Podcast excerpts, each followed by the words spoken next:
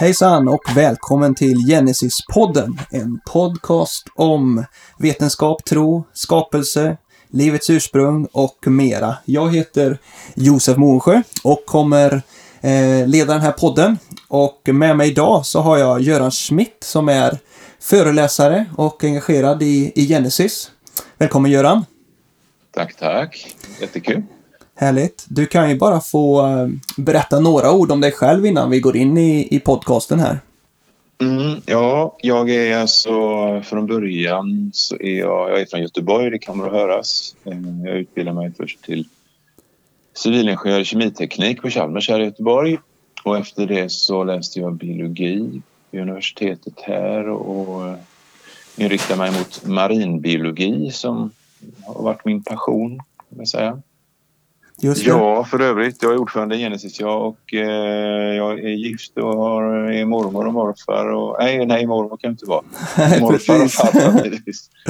ja. ja, jag skriver mycket och föreläser och håller på. Precis. Ja, jag är ju engagerad i Genesis också, men eh, du har varit med mycket längre, ett 30, eh, 30-tal år eller något sånt där va?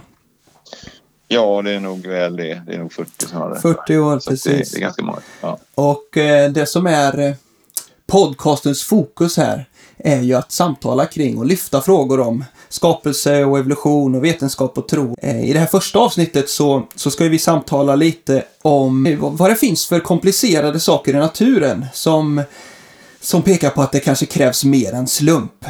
Och jag vet ju att du är väl insatt i många eh, exempel kring detta, men du skulle ju kunna få bara börja med något eh, exempel. Ja, alltså det finns ju precis hur mycket som helst. Alltså, går man, man kan gå in på vilken detalj som helst i skapelsen, vare sig det är smått eller stort, så, så är det, är, inser man ganska snart att... Eller man borde inse ganska snart att slumpen är tämligen otillräcklig. Och det, det är ju inte så att man brukar säga att det är bara slumpen, det brukar det ju inte heta, utan det, man pratar ju om naturligt urval och allt sånt där. Men, Precis, men det finns ju... massor. Ja, vi kommer ju prata mer om naturligt urval och mutationer och så här i kommande ja. avsnitt, men ja, precis. Mm, nej, men jag menar det, alltså, det är ju, världen är komplex om man säger så, men det är inte, ja. det är inte det, den är inte komplex på det sättet att som när man är ute och fiskar och tar ett kast med sin rulle och får trassel på linan och försöker sitta där och reda ut det. Det är inte trassligt på det där sättet. Nej, just det. Utan det, det, det är komplext på ett annat sätt. Det är komplext på ett sätt som, som är eh, ordnat eh, och som funkar hela tiden. Ja. Så det finns hur mycket exempel som helst. Det kanske tydligaste exemplet ifrån naturen det är ju det som ligger till grund för hela den levande världen och det är ju det som man brukar kalla för genetisk information eller biologisk information. Mm, just det det, det, att, att förklara det i termer av, av, av slumpen och naturens lagar det, det visar sig ganska snart att det inte leder så långt faktiskt. Eh, så. Men, men om man ska titta på några mer ska vi ta i mängden några saker som, som finns där ute så, så något som fascinerar mig väldigt mycket det är till exempel de här små djuren som flyger på nätterna och piper lite grann. Eh, fladdermössen och deras eh, utrustning de har för att lokalisera insikter mitt, mitt i mörkret. Sådär. De kan, alltså man kan ju i princip eh, ta och spänna tunna fiskelinor kors och tvärs i ett rum och mörklägga och släppa ut ett gäng med fladdermöss och ingen av dem kommer att ens vidröra de här genomskinliga Nej, just det. Eh, fiskelinorna. Det är ju hisnande. Ja, det är helt hisnande. Alltså det systemet de har för att, det kallas för ekolokalisation då, att de, de som ekolodar så att de kan sända ut högfrekvent ljud. Ljudet studsar på ja, de här linorna eller ja. insekterna i luften och så tillbaks och så fångar de upp dem med öronen och deras hjärna tolkar detta blixtsnabbt till, till, till en bild och koordinerar allting med deras rörelseförmåga. Och att det här det är så fantastiskt så det inte saknar motstycke. Är de Sen helt... en annan grej, det, ja. det, det, intressanta är ju att ett, ett, ett likadant system ja. finns hos helt andra djur, alltså som tandvalar, alltså delfiner. De har i princip samma system. Mm. Eh, helt oberoende av eh, alltså någon tänkt alltså, släktskapslänk med fladdermössen så har de ändå liksom ett, ett likadant system Ja, eh, som funkar under vatten. Då.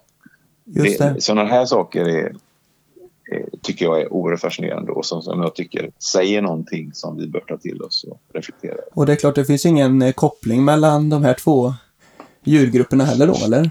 Ja, jo, alltså evolutionärt så har ju allting, är ju allting ihopkopplat. Ja. Eh, Men, men just vad gäller de här systemen så, så är det ju ingen som tror att, att det någon gång i tiden fanns någon sorts ja, ja, gemensam uh, urmoder till fladdermöss och eh, delfiner, hur den nu skulle se ut, som hade det här systemet när den sprang på alla fyra eller sådär. Utan, utan det, det här menar ju då evolutionsföreträdarna att det här har då uppkommit helt frikopplat från vartannat. Då, Mm. alltså genom, och då kallar man det där för konvergent evolution. Det vill säga slumpen och naturens urval, naturligt urval såg till att det råkade bli exakt samma. Just det, samma Eh, sak har utvecklats på flera platser. Då. Ja, ja. ja ja, ja. just Och det. behöver man inte heller egentligen reflektera särskilt länge innan man inser att hur skulle en slumpmässig eh, process kunna då, eh, som bara då påverkas av miljön, livsmiljön, kunna slipa fram den typen av strukturer.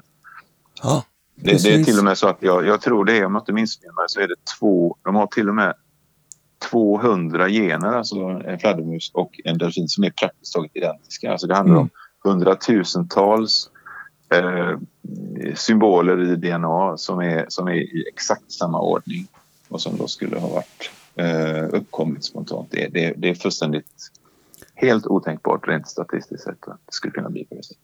Så det finns mycket sånt där. Alltså mycket, det finns oerhört mycket. Det finns hur mycket som helst av fascinerande saker i naturen. Men det som blir ännu mer fascinerande det är när man ser då till den alltså, grunden för de här strukturerna som ju då ligger i informationen i DNA. ja, just det. Eh, för, att saker och ting är inte mer fantastiska än vad den underliggande informationen är. Det, det är den som egentligen eh, kodar för allt det här. Eh, så, så att vi har en, en, en, eh, en, en, en dimension under allt det vi ser i naturen som, som är på en eh, som är, som är en, en programmering helt enkelt. Precis, men det är klart att då, alltså evolutionärt då, om man ska förklara det här evolutionärt, finns det, då borde det finnas eh, halvutvecklade system eller liksom någonstans i, antingen i våran eh, värld runt omkring oss eller eh, i fossilregister och sådär. Alltså, eller det kanske inte borde, jag är inte så Ja. kunnig som du heller, Nej. men Nej, ja, det, är klart, det, är klart att, eh, det är klart att det borde. Eh, eftersom eh, man kan ju räkna ut hur många livsformer som skulle existera mellan de här djuren som... precis från att det inte finns något sånt här Ja, system då, ja, ja. till att det finns ett fullt Men jag färdigt. menar.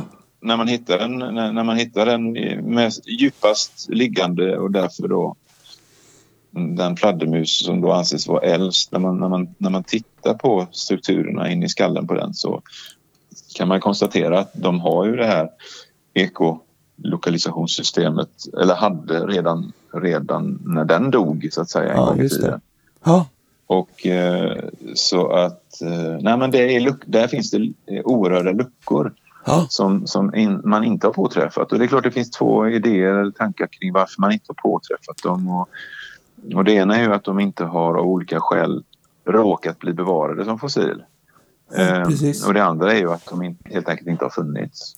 Och hade hade det varit enstaka liksom fall där man inte hittade de här länkarna, det, det, det liksom hade kunnat tala för den första eh, teorin då. Men när det är genomgående att man praktiskt taget aldrig hittar de här. Och då, praktiskt taget, det jag säger det är därför att det kan finnas fall som är omdiskuterade. Men, Mm. men generellt sett så finns de inte.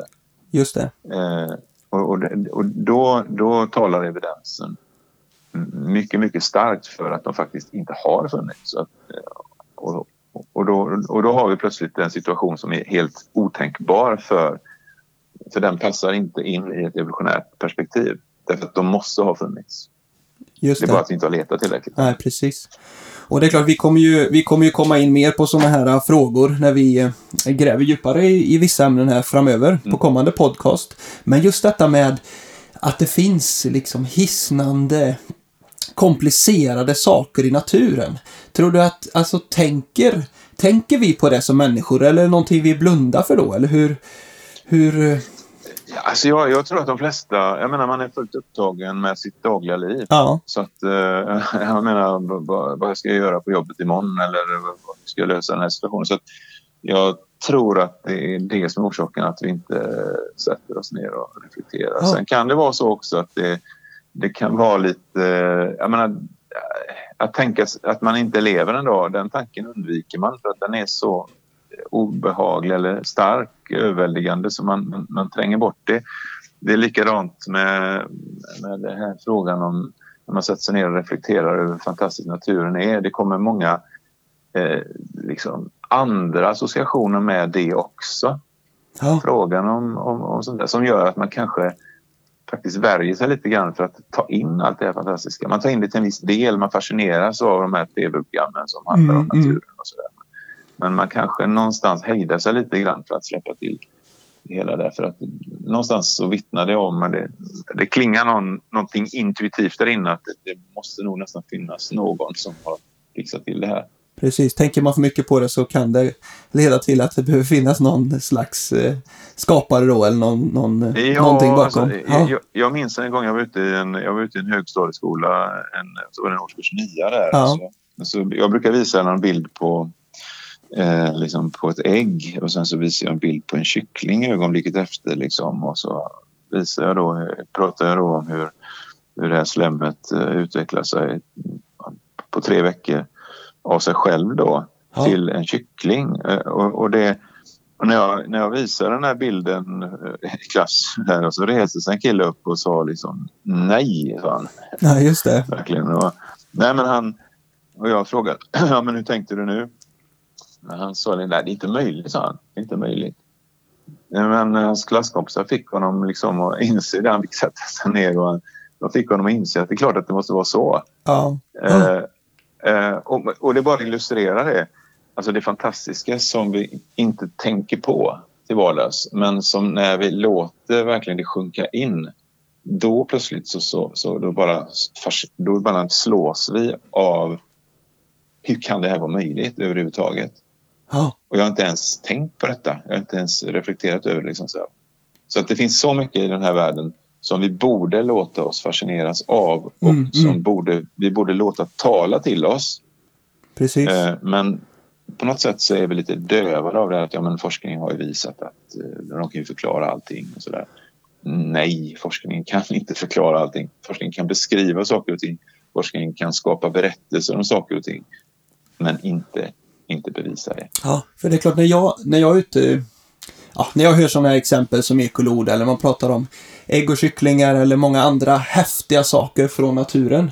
Då, då blir det en respons att wow, liksom, det här måste ju finnas någon intelligent liksom bakom detta. Men, men det är klart att i skola och i, i samhället eh, i stort så framställs ju detta som att det är slump och, och eh, evolution som har eh, framställt allt detta. Är det, eh, Ja, men det är lite ja, märkligt att det är så självklart Jo, det- då.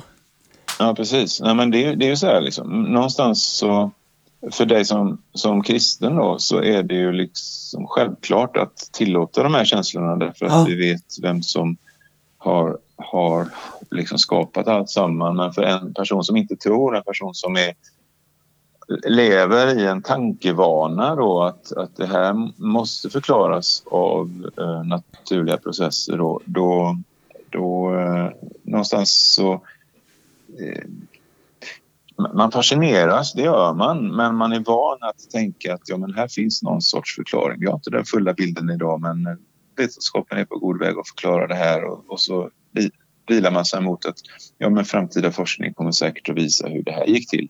Mm. Eh, så. Så att, eh, men man, man kan uppleva, som, som troende kan man uppleva det många gånger på sin arbetsplats. Att liksom, det är precis som man lever i skilda världar. Därför att jag minns ju själv under min egen biologiutbildning Ja. när liksom, det var ju den mest så att säga, för mig var det den mest trostärkande perioden i mitt liv när jag liksom fick grotta ner mig i naturens finurligheter. Medan kompisen som satt jämte, för honom var det, hade det ingenting med tro att göra överhuvudtaget. Honom Nej. var det, blev det snarare ja, någonting som, ja, men evolutionen är ju fantastisk. Ja. Va? Ja, precis. För det är klart att eh, den som... Eh, ja, men eh, som evolutionist kan man ju verkligen också vara fascinerad av naturen. Men det är klart Ja, att... Eh, det är klart att man får ju ha en väldigt stor tilltro till hur saker kan uppkomma av sig själv då. Det är ju det är lättare att vända sig till wow, liksom. Här har Gud eh, legat bakom, eller en skapare har legat bakom detta. Ehm, Jo, och men, och där, det är klart, där blir man ju som, som troende blir man ju beskylld för att då eh, ta till det som de brukar säga att kunskapsluckornas gud då, God of the gaps. Liksom, bara Just för att det. vi inte... det vi inte förstår man- förklarar vi med Gud. Ja, precis. Det- Men, men egentligen så gör evolutionister ett motsvarande eh, misstag. Därför att man säger så här att eh, ja, vi kan inte förklara det idag men, men vänta liksom x antal år så kommer vetenskapen säkert Ja. ha hittat en materialistisk förklaring då. Men å andra sidan så skulle jag säga att för, för, för min egen del och för oss som är skapelsetroende så, så är det inte så att vi, vi tar till Gud som en förklaring när vi inte kan förstå någonting utan det är tvärtom så att när vi ser på evidensen som den faktiskt ser ut Ja, det är det som gör att vi eh, eh, pekar mot Gud. Det är inte det vi inte förstår utan det är det vi faktiskt har förstått. Det vi idag kan lära oss om molekylärbiologi och av eh, andra områden inom naturvetenskapen. Det är det som gör att vi pekar på Gud. mm, In, in, inte det vi inte förstår utan det vi faktiskt har förstått redan. Det är det som talar så starkt.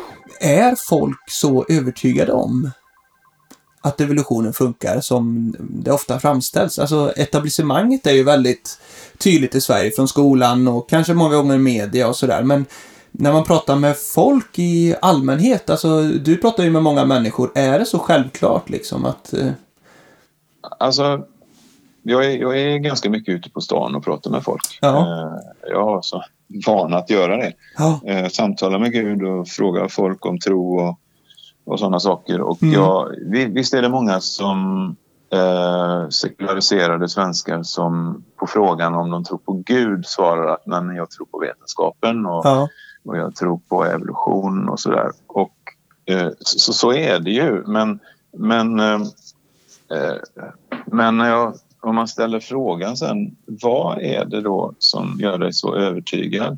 Så visar det sig att många gånger så handlar det egentligen om att ja, men det är ju auktoriteterna som har sagt det. Alltså auktoriteten i form av läraren, ja, läroboken, eh, illustrerad vetenskap eller eh, Richard Dawkins eller något som, Mm. som har sagt saker och ting med ett sånt eftertryck så att ja, men, det måste vara så. Man förstår det kanske ja, inte man själv måste då. vara så. Nej. Tror man inte så så måste man vara dum Ja, ungefär. Eh, och man tror, man tror eh, på de där ikonerna, eh, som, evolutionens ikoner. Man, man, tror, alltså, man, man har sett en bild på små eh, apor som successivt reser sig upp och blir mer och mer människolika precis. och till slut så har, sitter de framför en dator. de är avmålade Eh, på ett bra sätt. Ja, men man har sett bilden och då har man förstått budskapet på något sätt. Ja. Eh, man kanske tänker på att ja, men det är klart att den som är bäst anpassad måste vara, ha fördelar i, i tillvaron och, och så vidare. Och det är ju liksom evolutionens kärna eller kärnbudskap och, och det är klart att det är så självklart så då måste evolutionen vara självklar. Eh, och det kommer vi säkert att prata mer om men, men, men, men, men det är ju ingen som betvivlar det, att det är fördelar med att ha fördelar. Nej, just det. Men, Precis. men frågan, är, frågan är vad kan den mekanismen skapa? Kan den verkligen skapa människor från bakterier? Just det. Eller kan den hålla en eh, population av djur eller växter eh, vid liv? under varierande omständigheter. Det är väldigt stor skillnad på de två perspektiven. Mm. Ja, nej, men så att människor, jag menar, när det väl kommer till kritan så har människor eh, egentligen i, inte reflekterat själva utan man, man lutar sig mot auktoriteter och mot konstnärens makt att illustrera saker och ting. Och den evolutionära berättelsen, det var så här det gick till. Ja. När man ställer sig inte, för- man, inte, man, man har inte kritiskt förhållningssätt till de här sakerna. Det har man egentligen bara, tror jag, som, som kristen eller Ja. som troende. Det är då man på något sätt... Jag menar, det är först då som man eh, ställer de kritiska frågorna. Kan det verkligen vara så här? Eh, Så var det för mig. Jag, jag, nej, jag är inte uppvuxen i någon kristen miljö. Eller så. Eh, men eh, så, alltså att jag blev en kristen, det, det, det, det, har helt andra, det har ingenting med naturen naturvetenskap att göra. Men det var så, för jag tog den för given. Jag tog, tog evolutionen helt för given. Mm. Alla, jag, menar, jag hade aldrig tänkt tanken att ifrågasätta den. Men när jag blev kristen, då tillät jag mig tanken att, att börja granska det som jag hade tagit för givet. Och då upptäckte jag mycket snart att... För, ja, min upplevelse var ju det här, var ju, det här är ett luftslott. Det här är ju en tankebyggnad som, som, som saknar grund. Det, var, det tog inte lång tid förrän jag personligen kom till den punkten och insåg det. Men det hade jag aldrig gjort om jag inte hade blivit kristen. Så att Eh, Så så är det. Eh, Jag tror Ja. att det är, det är en del av det. Men det, det handlar om tankebana helt enkelt. Precis, men då kan... Och att man inte ifrågasätter någonting Ja. som en duktig person, duktiga personer säger är, självklart. En del av de som lyssnar på det här kanske känner att ja, men det här är ju spännande och intressant och men eh, jag kan ju inte så mycket själv och alltså är det, är det för svårt att, eh, att grunna på de här frågorna eller är det ganska lättillgängligt? Alltså vi kommer ju ha en podcast här nu och Ja. ta upp lite olika ämnen. Eh, vad, Ja, men jag tror så här att jag, jag tror vad som är viktigt det är att man får att tankar får brytas mot varandra, att perspektiv får brytas mot varandra. ja, Och det gör det inte liksom normalt sett i, i, i media, i skolans värld. Eh, I väldigt, väldigt begränsad omfattning som, som tankar verkligen får brytas med varandra på det här området. nej just det. På många andra områden är det, är det fritt fram att ha ett kritiskt förhållningssätt och man uppmuntras till det, eleverna Mm. uppmuntras till det och det står i läroplan och allt detta. Men just på frågan om vårt ursprung är det på något sätt tabu att, att, att bryta de här eh, frågorna. Utan Ja. då vill, när det bryts så, så blir det framställs det som om det vore en, en kamp mellan vetenskapen, vetandet, det säkra, det objektiva mot religionen, det subjektiva, lösa tyckanden, religiös fundamentalism. Eh, det är det intrycket man får. Men när man verkligen går ner på eh, samma nivå och börjar jämföra evidens och hur man kan tolka sam, samma eh, fakta på olika sätt. Det är Mm. då det blir spännande. Och det är, då, det är först då som, som man kan börja tala om eh, eh, att vara... Eh, ja, att, att eh, skapa sig, ett, få ett perspektiv på någonting. Ja. Så, länge man inte ifrå, så länge man inte är villig att ifrågasätta någonting kommer man aldrig någonsin att kunna få ett perspektiv på det. Nej. Och det är det som jag ser som vår föreningsroll. Det är att helt enkelt visa på evidensen. Just det. Och det, Eh, det är klart att ja. också kan man ju säga att eh, alltså samhället uppmuntrar ju väldigt mycket till ett kritiskt tänkande och skolan också sådär. Och, eh, det är ju ett problem i så fall då om det inte Alltså det borde ju inte vara så farligt att tänka kritiskt på ett sånt här område ifall det nu är så självklart. För att det framställs ju väldigt självklart. Så det borde ju inte vara farligt då att lyfta de här frågorna. Nej. Precis.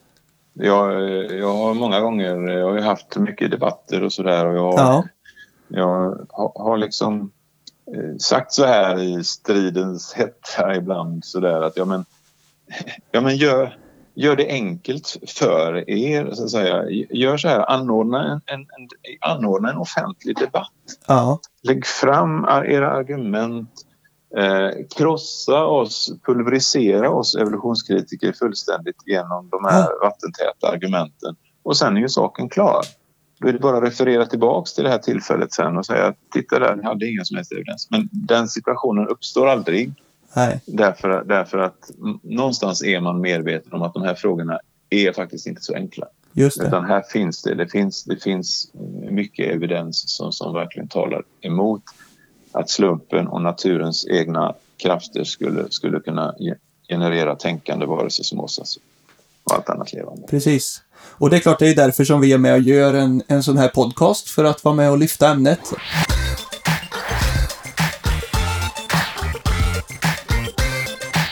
Vad, vad finns det för olika saker som vi, som vi gör, Göran, som man kan, om man är intresserad, att eh, veta mer och läsa lite och, och sådär? Ja, man, eh, man bör ju... Ja, det enklaste är ju naturligtvis att man går in på vår webbsida som heter genesis.nu. Just det. Eh, och eh, man kanske skaffar sig vårt nyhetsbrev som pluppar upp där på första sidan. kan man bara fylla i sin e-postadress.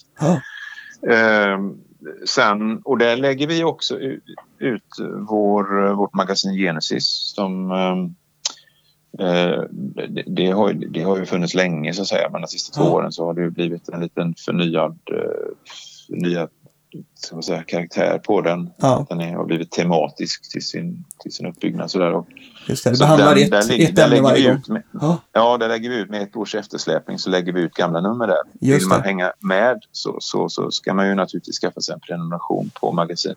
ja. Men det kan man också gå in på webbsidan och, och, och fixa till. Då.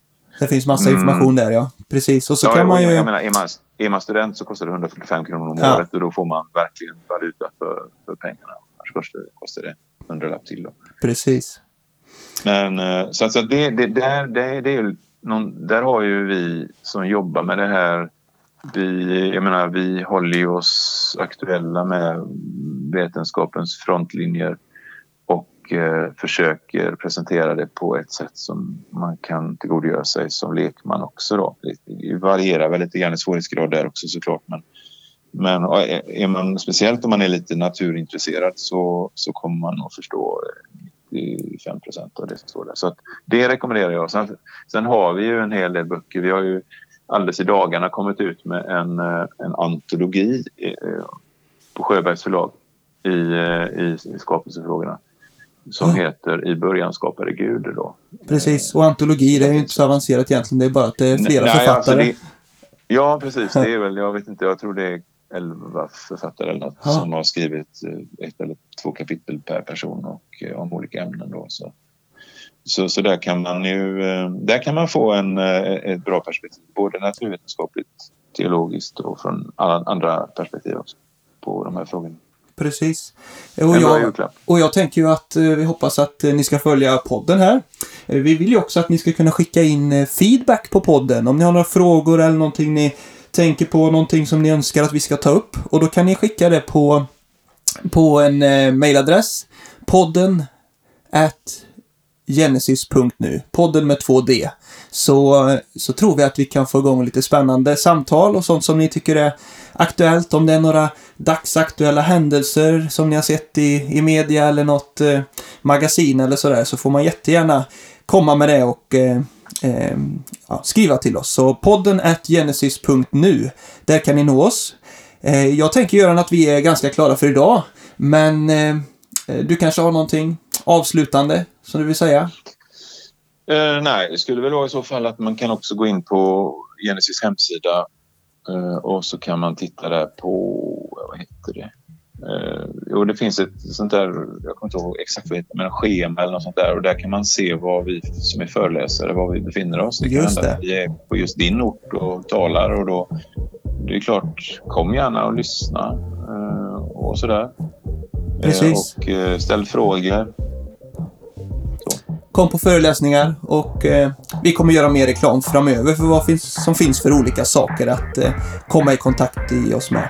Men eh, tack så mycket för idag och ha en eh, fantastiskt eh, bra dag. Och du med Göran, tack så mycket. Mm, samma. Hej! Hej då!